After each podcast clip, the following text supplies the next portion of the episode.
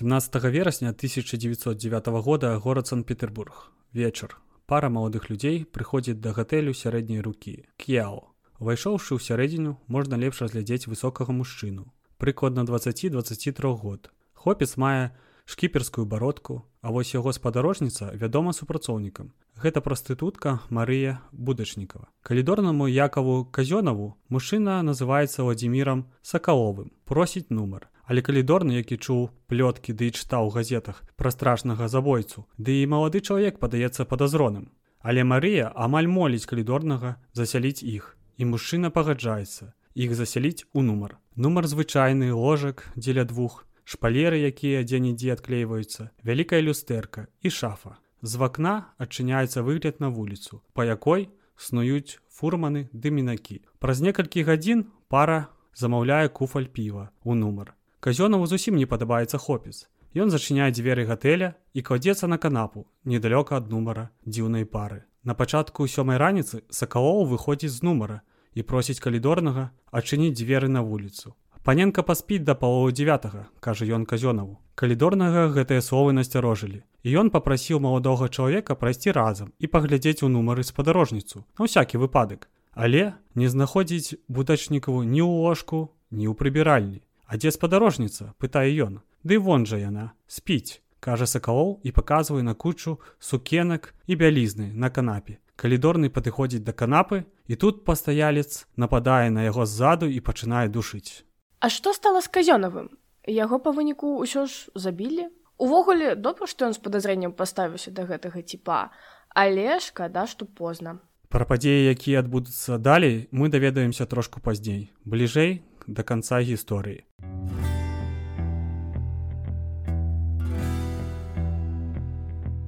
Усім шалом з вами падкаст рукраем палявання і маё імя так і не змянілася на працягу 12 выпускаў але нагадаю тым хто толькі пачынае нас слухаць мяне завуць Ян. А мяне завуць ліза. Мы падышлі да апошняга выпуску першага сезона нашага подкаста з чым я тебе янка віншую і мне б не хацелася ўвогуле сканчваць гэты выпуск Таму што гэта азначае што прынамсі на нейкі час трэба будзе развітацца з гэтым праектам. Ну хаця б каб адпачыць. Але мне такое пытанне. Слухай А вось які выпуск табе спадабаўся больш за ўсё? І над якім тебе больш за ўсё спадабалася працаваць Ну слухай калі ты пытаеш пра выпуск які я рабіў які б дзе больш спадабаўся то мне ўвогуле было цяжка рабіць выпускі па беларусі. Вельмі шмат інфармацыі. Наадварот вельмі мала інфармацыі. Таму самы цікавы для мяне выпуск і які больш спадабаўся гэта мехасевич Таму што пра яго шмат інфармацыі і выпуск было рабіць даволі лёгка. Калі казаць пра твае то мне хіба больш за ўсё спадабаўся пінкальскі бо гэта справа бударажыць уражанні мае думкі. Да сих пор я так і не зразумеў вінаваты ён ці не. А са сваіх выпускаў цябе які больш падабаецца? Не ведаю чаму але хутчэй за ўсё мірянкоў ведаеш як першая такая спроба пера гэта назаўсёды застаецца ў сардэчку не? Ну так мне дарэчы з тваіх выпускаў таксама міранкоў больш за ўсё падабаецца. Ну не ведаю чаму. Ну вось мне падаецца ён вельмі якасна зроблены Хаця я памятаю, як ты расказваў, што таксама там не шмат інфармацыі, але зроблена насамрэч добра і мне падабаецца. Ну што ж слухай, які тады табе больш падабаюцца выпускі, над якім было сама лёгка табе працаваць, да і ўвогуле праца спадабалася над гэтым выпускам. Ну я б не сказала, што мне было цяжка працаваць э, над сваімі выпускамі. Хаця хіба быў адзін, з якога таксама не было шмат інфармацыі, ўжо не, не ўзгадаю хто, Але у меня два любімых гэта пенкальскі і марахвіцкі. Над двума гэтымі выпускамі мне падабалася працаваць і вельмі падабаецца гісторыя. Таму што у абодвух выпадках яна вельмі заблытаная і я чытала кнігі, каб скласці выпуск і кнігі гэта просто ну ад іх немагчыма адарвацца. Хаця мне цяжка чытаць кнігі, я вельмі неўсічывая для гэтага.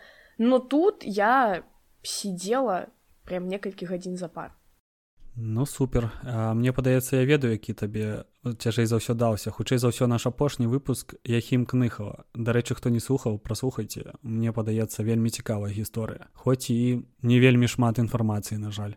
Над трынкевічым цяжка было працаваць. Не гледзячы на тое што ва ўсіх артыкулах які можна знайсці напісана што гэта самы жудасны педафіл польши інфармацыі пра яго вельмі не шмат. Літаральна вікіпедыя і артыкулы які просто адзін у адзін ну там няма ніякай дадатковай інфармацыі цалкам цябе разумею. Ось такім я і спаткаўся калі б пачынаў працаваць па беларусі ну што можа перайдзем да выпуска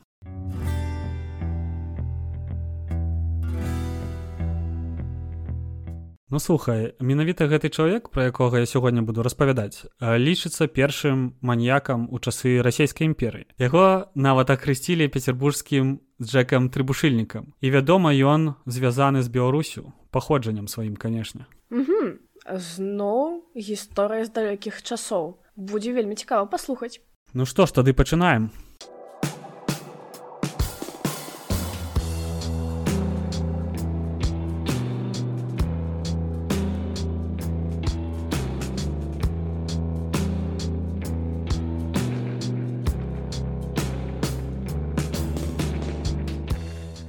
Летом 1909 года город Санкт-Петербург абляцелі трывожныя навіны. У горадзе з'явіўся жорсткі забойца, ахвярамі якога робяцца прыгожыя маладыя брунеткі. Маньяк не гвалтуе і не рабаваў пацярпелых. Яго адзінай мэтай было расправа. Цела першай ахвяры знайшлі 1 ліпеня 1909 года. У ніве. Цёмнавалосая дзяўчына была цалкам апранутая. Яе апазналі ў той жа дзень. На змоквым жоўтым квітку адмысловым пасведчанні прастытуткі, што існаваў у той час. Атрымалася разабраць узрост і імя загінулай 20гадовая Ганна Блюментрост. Гістарычная даведка. Зразумела, што зараз прафесія прастытуткі знаходзіцца пад забаронай.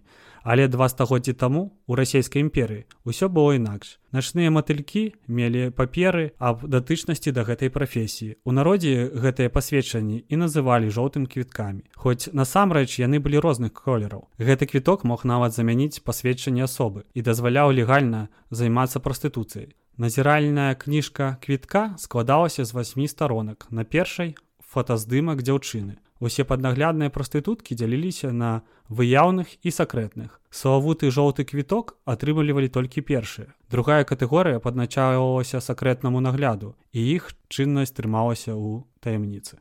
Вяртаемся да забойства. Высветлілася, што жрыца кахання не патанула, а была забіта. Невядомы больш за 10 разоў стукнуў яе ножом. Раны на твары і шыі апынуліся смяротнымі. Каб схаваць злачынства забойца кінуў цела ганны ў раку паблізу набережнай. Насамрэч падобна на той, як дзейнічаў лондонскі маньяк, ды яшчэ ўдар у твар, штосьці асабістае там мусіць быць.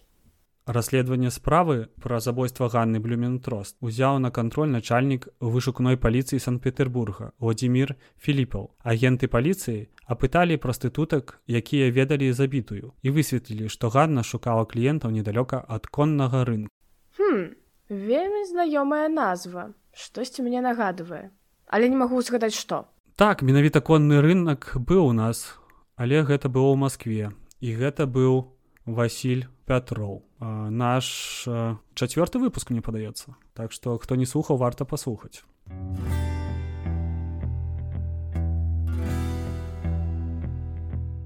Апошні мужчына, з якім пайшла блюментрост, адменна вывучаўся сваёй нязграбнасцю і незвычайным выглядам. Гарбаты з непрапорцыйным доўгімі рукамі. Ён быў апрануты ў чорнае паліто і шыракаполы капялюш, што зачыняў палову твара па сведчаннях прастытутак мужчына насіў бараду без вусоў і напамінаў велізарную малпу. Затрымаць злачынца па гарачых слядах не атрымалася. І начальнік вышукной паліцыі Філіпаў загадаў пра ўсе падобныя здарэнні адразу паведамляць яму. Доўга чакаць не давялося. Праз два тыдні маньяк расправіўся з другой ахвярай. Раніцай 15 ліпеня ў гасцініцы Дунай на лігаўскім праспекце У нумары на трэцім паверсе калідорны знайшоў цела кабеты. Частымі наведнікамі Дуная былі кліенты з прастытуткамі і закаханыя пары, што шукалі месца, дзе можна правесці ноч сам насам. Таму гасцініца карысталася сумнеўнай рэпутацыяй. 14 ліпеня каля дзвюх гадзін ночы у нумар засялілася маладая пара, вясёлая цёмнавалосая дзяўчына, якая была сталай госцей Дуная. Назвалася Івановай, а яе спадарожнік падобны на актора ці мастака мішусціным Вось як пра гэта скажа кансерж. Яны ўзялі на адну ноч пакой нумар 9 з вокнам на лігаўскі і заказалі ў калідорнага віно і цукер. А любіць гэты мужчына выпіць перад забойствам. Ці пасля. Цікава, гэта каб праца лягчэй ішла ці проста так. Ну слухай тое што ён любіць выпіць гэта факт. Пра гэта падрабязней распавяду трошку пазней. Але мне падаецца менавіта ў момант забойства гэта хутчэй такая спроба расслабіць ахвяру так бы прытупіць яе зрок даць псіхалагічна і фізічна ёй супакоіцца. а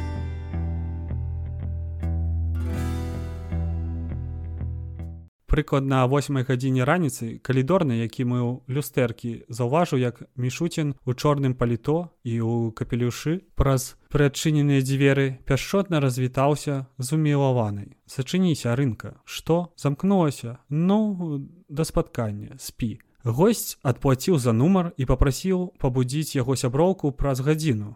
Не турбуй яе хай паспіць а гэтак праз гадзіну другую пабудзі. З гэтымі словамі ён пакінуў гасцініцу. У 10 гадзін раніцы калідорны адправіўся выконваць даручэнні, але замест соннай арынкі знайшоў у пасцелі разарванае цела брунеткі у лужы крыві. Ужо ў 11 гадзін у гасцініцы быў рэпарцёр сталічнай газеты, якога на месца злачыства пусціў за ўзнагароду калідорны. Вось не зусім разумею, у чым сэнс ты на віду калідорна цябе бачыць памятае і пасля забойства ты сам да яго падыходзіш і фактычна кажаш я там прастытутку нумара забіў ну ты праз гадзіну да яе зайдзі ну так каб прыбраць ну ведаеш акурат не пагаджуся з тваім меркаваннем ён робіць ілюзію нармальнасці. Размаўляе нібыта праз дзверы потым просіць пабудзіць праз пэўны час. А про тое што яго бачыў калідорны хутка ты сама пабачыш ці бачыў ён гэтага чалавека ці не і калі будзе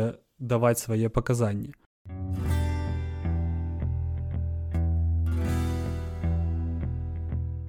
Навіны пра жорсткае злачынства хутка стала адной з самых галоўных у Пецярбургу. Забітай была кацярына Герус. Яна працавала і жыла недалёка ад знаменскага пляца. Судовы лекар усталяваў, што дзяўчына памерла ад задушэння. Маньяк больш за 20 раз стукнуў ахвяру ножом, запырскаўшы коўдру, падлогу і абрус крывёй, а потым задушыў зраненую прастытутку, пераканаўшыся ў тым, што яна мёртвая пакінуў нумар. Цікавы момант. Грошы, якія былі ў ахвяры, засталіся пры ёй, а гэта 2 рублі 80 копеек. Філіпаў прыйшоў да высновы, што за справай блюментрост і забойствам Дунаі стаіць адзін і той жа чалавек. Асаблівасцю гэтага злачынстваў стала тое, што ні з адной з ахвяраў мужчына не ўступаў у палавыя зносіны. Неўзабаве па падазрэнні ў расправе затрымалі нейкага Фёдара Асокіна, знаёмага Герус. Калідорны сказаў, што падазроны на яго падобен. Праз 10 дзён 24 ліпеня, пакуль паліцыянты спрабавалі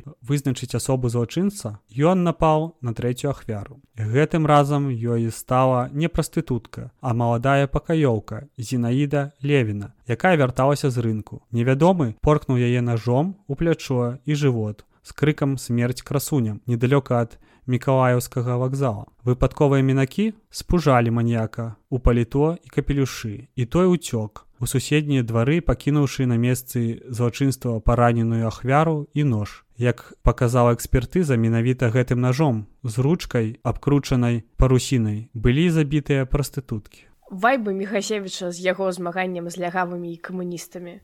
А чаму гэтым разам ахвярай стала звычайная дзяўчына Ён пачаў падазраваць што калі будзе забіваць адных прастытутак у гатэлях са сведкамі то яго хутка зловяць і трэба адцягнуць увагу? Ці проста дурань? Скажу так галоўная яго цэль гэта зусім не прастытуткі. І такім чынам ён спрабуе звануць следства. І ён зусім не дурны. А мэты даведаемся праз хвіліну. Акурат яе выкажа следства. Мінакі адвезлі дзяўчыну ў шпіталь. Раны апынуліся неглыбокімі пакаёўка выжыла дэтэктывы адзначылі зінаіда не займалася прастытуцыяй але яна была сімпатычнай брунеткай Гэта азначала, што маньяк палюе на пэўны тып кабет. А справа ў брунетках.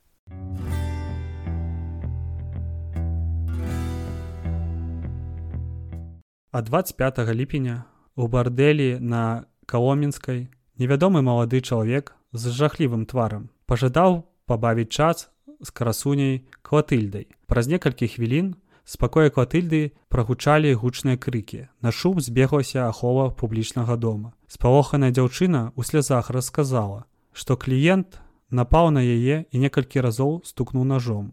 Як апынулася, клатыльда чула пра забойствы прастытутак і была гатова да нападу. Толькі таму ёй і атрымалася выратавацца.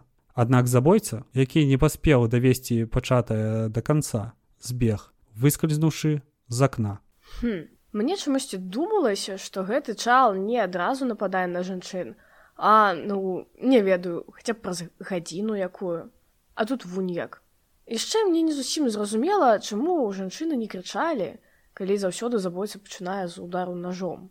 Вядома, там хутчэй за ўсё ступар адразу наступае, але ж падрабязнасці я распавяду трошку далей. Але адкуль такая ўпэўненасць што пачынае з ножа заўсёды? А наконт крыкаў у гатэлі гэта трошку будзе пазней.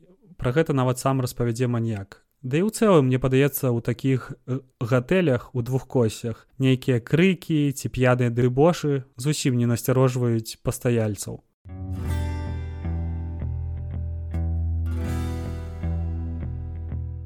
Начальнік вышукной паліцыі філіпаў звярнуў увагу. Усе напады яднала нябытнасць сексуальную па тэксту колер валос і пол ахвяр а таксама тое што ўсе яны сцясняліся каля знаменскага пляца. Пры гэтым матыў невядомага злачынца заставаўся загадкай. Вось і настала 17 верасня 1909 года пра якое я казаў спачатку. У ходзе барацьбы калідорнаму атрымалаецца выслізнуць з рук злачынца выбегчы ў калідор і пачаць клікаць на дапамогу яму на дапамогу прыбег нумарны і пакаёўка і разам яны затрымалі злачынца адабраўшы яго кінжал. Па прызнанню маньяка Марыю ён забіў прыкладна а чацвёртай ночы. Прыбыўшыя на месца паліцыянты знайшлі на канапе аголенае цела забітай, прычыненае яе спадніцай, кашуляй і чахом ад канапы. На жываце, грудях і палавых органах ахвяры налічылі 35 нажавых параненняў. Вось якія падрабязнасці дае пецярбургская газета. Пад канапай быў знойдзены жмут паштовых папер, на якіх было напісана друкаванымі літарамі. Смерць красуням. Грошы ўзятыя за працу адпраўлення на той свет і таму, што мёртвым яны не патрэбныя. Забойца гэтай кабеты і кацярыны Ерус у гасцініцы Дунай я, Вадзім кравяннік 17 верасня.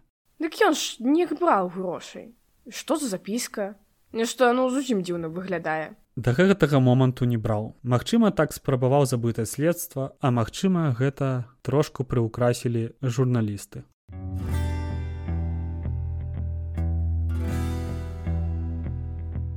За дапамогу ўзлове злачынца калідорны якаў казёнаў атрымаў асабістую падзяку ад кіраўніцтва горада і 25 рублёў. Фёдора Сокіна, якога раней арыштавалі па падазрэнні ў забойстве Герус, вызвалілі. Затрыманага дапытваў службовец пад назіраннем начальніка вышуку Філіпова. Малады чалавек адразу прызнаўся ў забойстве дзвюх дзяўчын. Ерус і будачнікавай. Аднак казаць сваё сапраўднае імя і прозвішча адмовіўся. Казаў следчым наступнае. Я мог бы сказаць вам, Але цяпер у мяне няма жадання засмучаць сваіх бацькоў. Хай вышукная паліцыя працуе. Каб вызначыць асобу забойцы, Філіпаў адправіў па ўсіх чайных і карчмах агентаў вышукной паліцыі дзеля пытання гаспадароў, наведвальнікаў і чэлядзі. Ад наведвальнікаў карчмы прывіслінскі край дэтэктывы пазналі, што тут часта прыходзіў мужчына, які называўся Мікалаем Мікалаевічам. Ён часта паводзіў сябе агрэсіўна, расказваючы субутэльнікам што ненавідзець кабет каментуючы забойствы прастытутак гэты мужчына меркаваў што паліцыянты ніколі не змогуць знайсці вінаватага і што забойца мабыць дастаўляе балючае задавальненне мярцвіць маладых дзяўчын знаёмым ён расказваў што раней служыў у гандлёвым флоце а цяпер жыве ў начлежцы макодзіна недалёка ад карчмы наведвальнікі ўспомнілі што мікалай мікалаевич ахвотна казаў пра забойствы ў дунаі і заўсёды шматзна значна падкрэсліваў забойца зусім не асокін калі дэтэктыў паказаў наведвальнікам карчмы здымак вадзіма кравяніка. Адзін з іх крыкнуў гэта ж ён мікалай мікалаевич у гутарцы з гэтым наведвальнікам агенту атрымалася пазнаць нават адрас кватэры дзе падазроны здымаў пакой. Дворнік і кватэрныя гаспадары таксама пазналі свайго жыхара і паведамілі што гэта мікалай мікалаевич радкевич За тыдзень ужо была сабраная ўся неабходная інфармацыя пра жыццё мікалая радкевіча. Нарадзіўся у заходнім краі Так у часы расійскай імперыі называлі тэрыторыю рэчы паспалітай. Бацька паходзіў з шляхты піншчыны. На момант затрымання сына працаваў сябрам акружнога суду ў Владзіміры. Менавіта ў гэтым горад перабралася сям'я. Калі Мікалай было 6 ці 7 год. З успамінаў маці сын быў у дзяцінстве вельмі рэлігійным. І хлопчык да 4 год не размаўляў. Урывак з лістамаці. У сем гадоў яму сталі з'яўляцца візіі. Раз а, мы знайшлі яго ў лазні з абразам, дзе ён маліўся і казаў, што будзе вялікім прарокам. Пахне або звычайнай дзіцячай фантазій або ранішняй шызой. Не магу разабраць. Але калі самі бацькі не былі настолькі рэлігіёзныя і візіі былі насамрэч, то хутчэй другое. Ды і тое, што ён забойствамі займаўся, паказвае, аднак, што з псіхікай не ўсё добра было. Я не эксперт, але тое, што з дзяцінства праблемы з галавой у радкевіча гэта навідавоку мне падаецца. Ці былі бацькі рэлігійнымі пытанне адчыненае і адказу на яго ў мяне, на жаль, няма.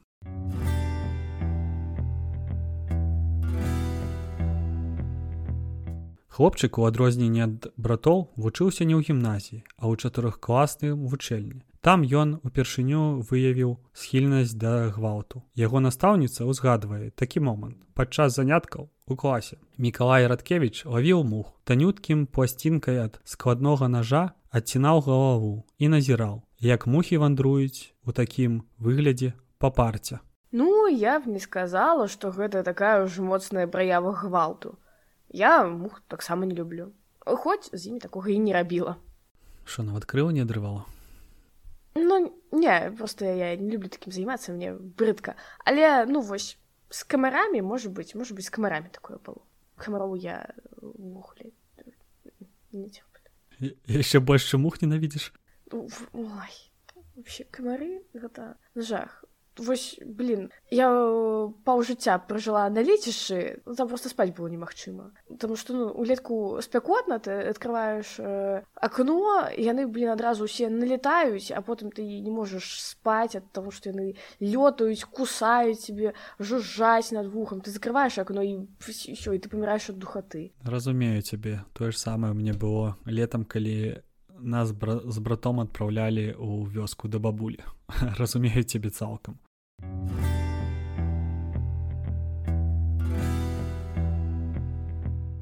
па сканчэнню вучэльні бацька адправіў мікалая ў кадэцкую корпус. Адкуль яго адлічылі? Праз сем месяцаў праз напад на кабету. Мікалаю было 14 гадоў. Яго спакусіла 30гадовая удава афіцера але ў неўзабаве радкевич надакучыў ёй. Ахвяра педафіліі фактычна і дай адгадаю у гэтай жанчыны былі цёмныя валасы? Менавіта яна была пякучай брунеткай як апісвае сам радкевич хлопцаў пашчасціла на мілфу а ён з ножом на разборкі ходзіць не? Не дурны чалавека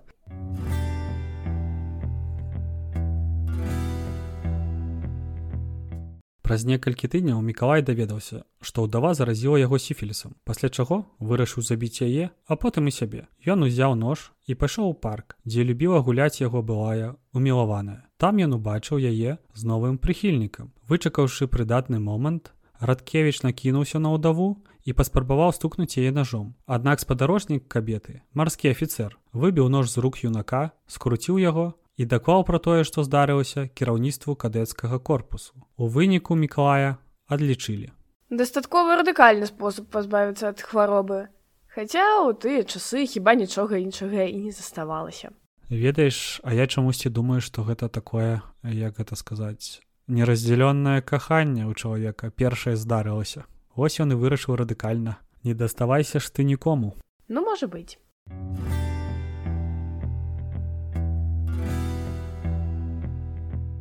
1906 годзе Мікалай сказаў родным, што вырашыў стаць мараком і пераязджае ў сталіцу. Для таго, каб паступіць у мараходную школу, Радкевіч прыдбаў патрэбны стаж здзейсніўшы чатырохмесячнае плаванне на адным з ветразевых суднаў балтыйскага гандлёвага флоту. Але ўжо у красавіку 1907 года пайшоў з першага класу па ўласным жаданні. З гэтага часу ён пачаў весці гультайскае жыццё. Да раніцы бавіў час у прытонах стаў заўсятым чайных і нягледзячы на тое што бацькі адпраўлялі яму немалыя грошы на жыццё начаваў у грамадстве бяздомных бадзях на ўскрайках горада У багацеяў сваі капрызы. А я бы тут хутчэй азначыў цягу да бадзяжніцтва, бо аб'ектыўных пасылак дзеля таго, каб гэта рабіць у яго не было.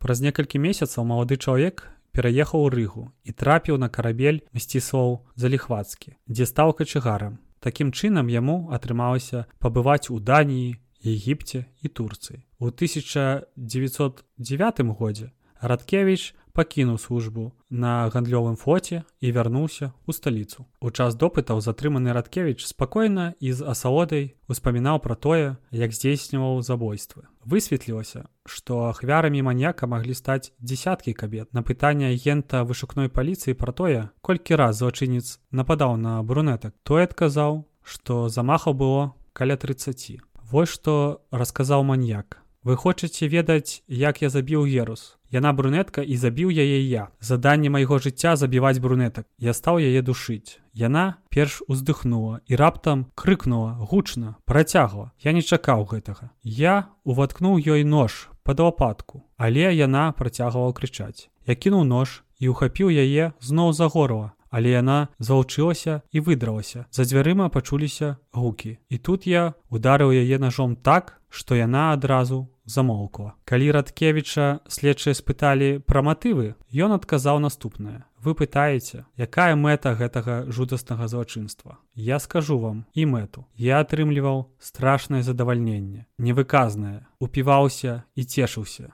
вы гэтага ўсё адно не зразумееце. І вось яшчэ словы радкевіча следчым пра марыю будачнікаў. Думку забіць кабету ў мяне з'явілася яшчэ ў дзень. І гэтую кабету я узяў з адной мэтай забіць. Як убачыў яе, так проста задрыжаў. Ах, такая, такая, пра якую я заўсёды думаў, чорненькая, мініяцюрная шыйка, белая, просто як у ліхаманцы, падышоўшы да яе, толькі б не пайшла. Задушыўшы марыю, Ён дастаў кінжал і пачаў калоць яе цела. Аднак задавальнення гэта занятак яму не прынёс. І следчым ён сказаў наступнае. Труп ужо пачаў астываць. І гэта ўжо не дастаўляла такога задавальнення, бо крыві паказвалася мала. Кроў засталася толькі да маім нажы. Я вымыў нож у тазе.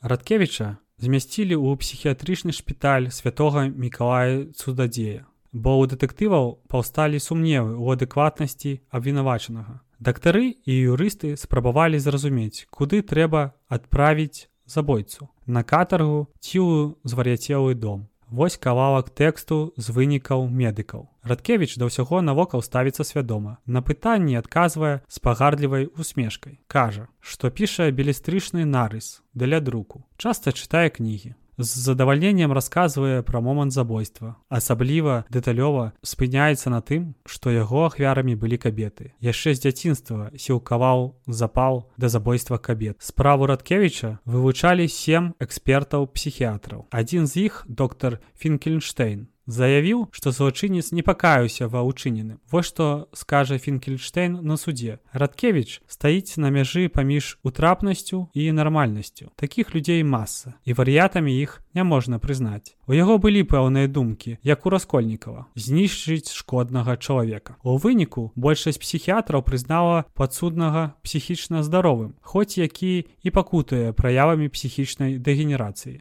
Нягледзячы на тое, што Радкевіча злавілі восенню 1909 года, судзіць яго пачалі толькі 10 сакавіка 1912 года. Ён правёў пад арыштам больш за два гады. Увесь гэты час паліцыя дарэмна спрабавала знайсці доказы што пацвярджалі датычнасць маньяка да серыйных забойстваў. У выніку перад судом маньяк паўстаў толькі па абвінавачванню ў забойстве Марыі Бутачнікавай і спробе забойства Якова Казёнова. Бок вінавачання настойваў на тым, што ў радкевіча няма вар'яцтва. Абарона ж спрабавала давесці, што падсудны не ўсвядоміваў таго, што рабіў. Сам падсудны ў апошнім слове папрасіў прысяжных не адпраўляць яго ў звар'яцелы дом сказаўшы, што для яго гэта будзе раўнацэнна самагубству. Радкевіч дадаў, што не пачувае віны ў тым, што нарадзіўся дэгенератам і меў патрэбу забіваць кабет. Прысяжныя прызналі Мікалая Радкевіча вінаватым у забойстве Марыі будачнікавай і не пагадзіліся з тым, што асуджаны вар'ят. Іншыя забойствы і замахі дэтэктываў не атрымалася давесці з-за нястачы простых доказаў. Прызнання абвінавачанага для гэтага было недастаткова. У выніку радкевіча прысудзілі да 8 гадоў катаржнай працы. Звычайна за падобныя злачынствы давалі 12 гадоў. Аднак па заступстве пракурора тэрмін быў зніжаны на траціну, бо на момант забойства Мікалай не дасягнуў поўнага паўналецця. Нягледзячы на мяккі прысуд, На волю маньяк так і не выйшаў. У 1916 годзе ён быў забіты крымінальнікамі на этапе. Дзіўна, што адразу смяротныя не далі. Так даказана было адно забойства і адзін замах, але ж гэта расійская імперія, я чакала больш крыважаднасці ад суда. Тым не менш сваю смерць ён усё ж сустрэў. А ці няма інфармацыі як? Ну, можа, расійская імперія была трошку меней крывавая, чым Савецкі саюз. На жаль, інфармацыі, як яго забілі, у мяне няма. Ну дзякуй тебе вялікі за гісторыі. Я лічу, што гэта вельмі добрае сканчэнне сезона, таму што і цікава, і падрабязна і вось увогуле вось усё як трэба.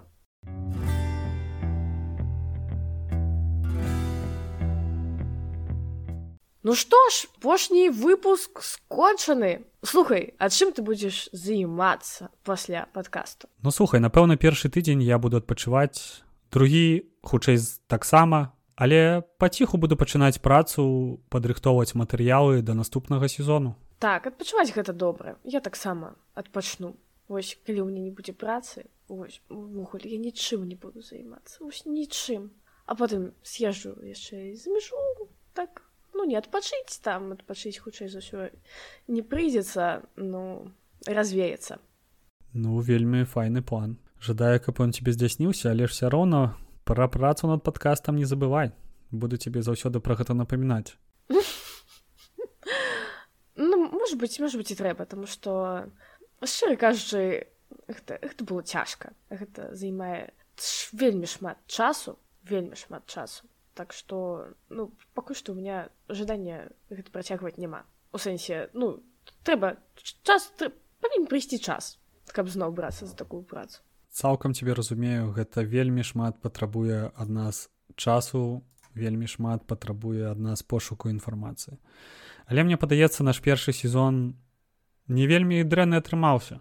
Спадзяюся нашим слухачам спадабаліся наши выпуски і мне падаецца з кожным выпускам мы толькі набіраем моцы і становімся ўсё больш і больш якаснымі так я згодна з табой мне таксама наш сезон вельмі спадабаўся улічваючы тое што мы гэтым ніколі не займаліся я нават лічу што мы з тобой выдатна папрацавалі